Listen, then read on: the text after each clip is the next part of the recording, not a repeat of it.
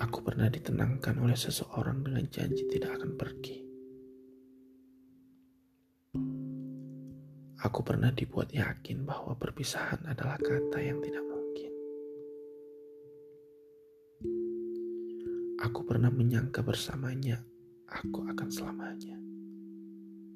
Hingga akhirnya ketika ia memilih ingkar, memilih hilang tanpa kabar, memilih pergi dan takkan kembali.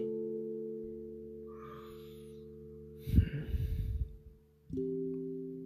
Terima kasih.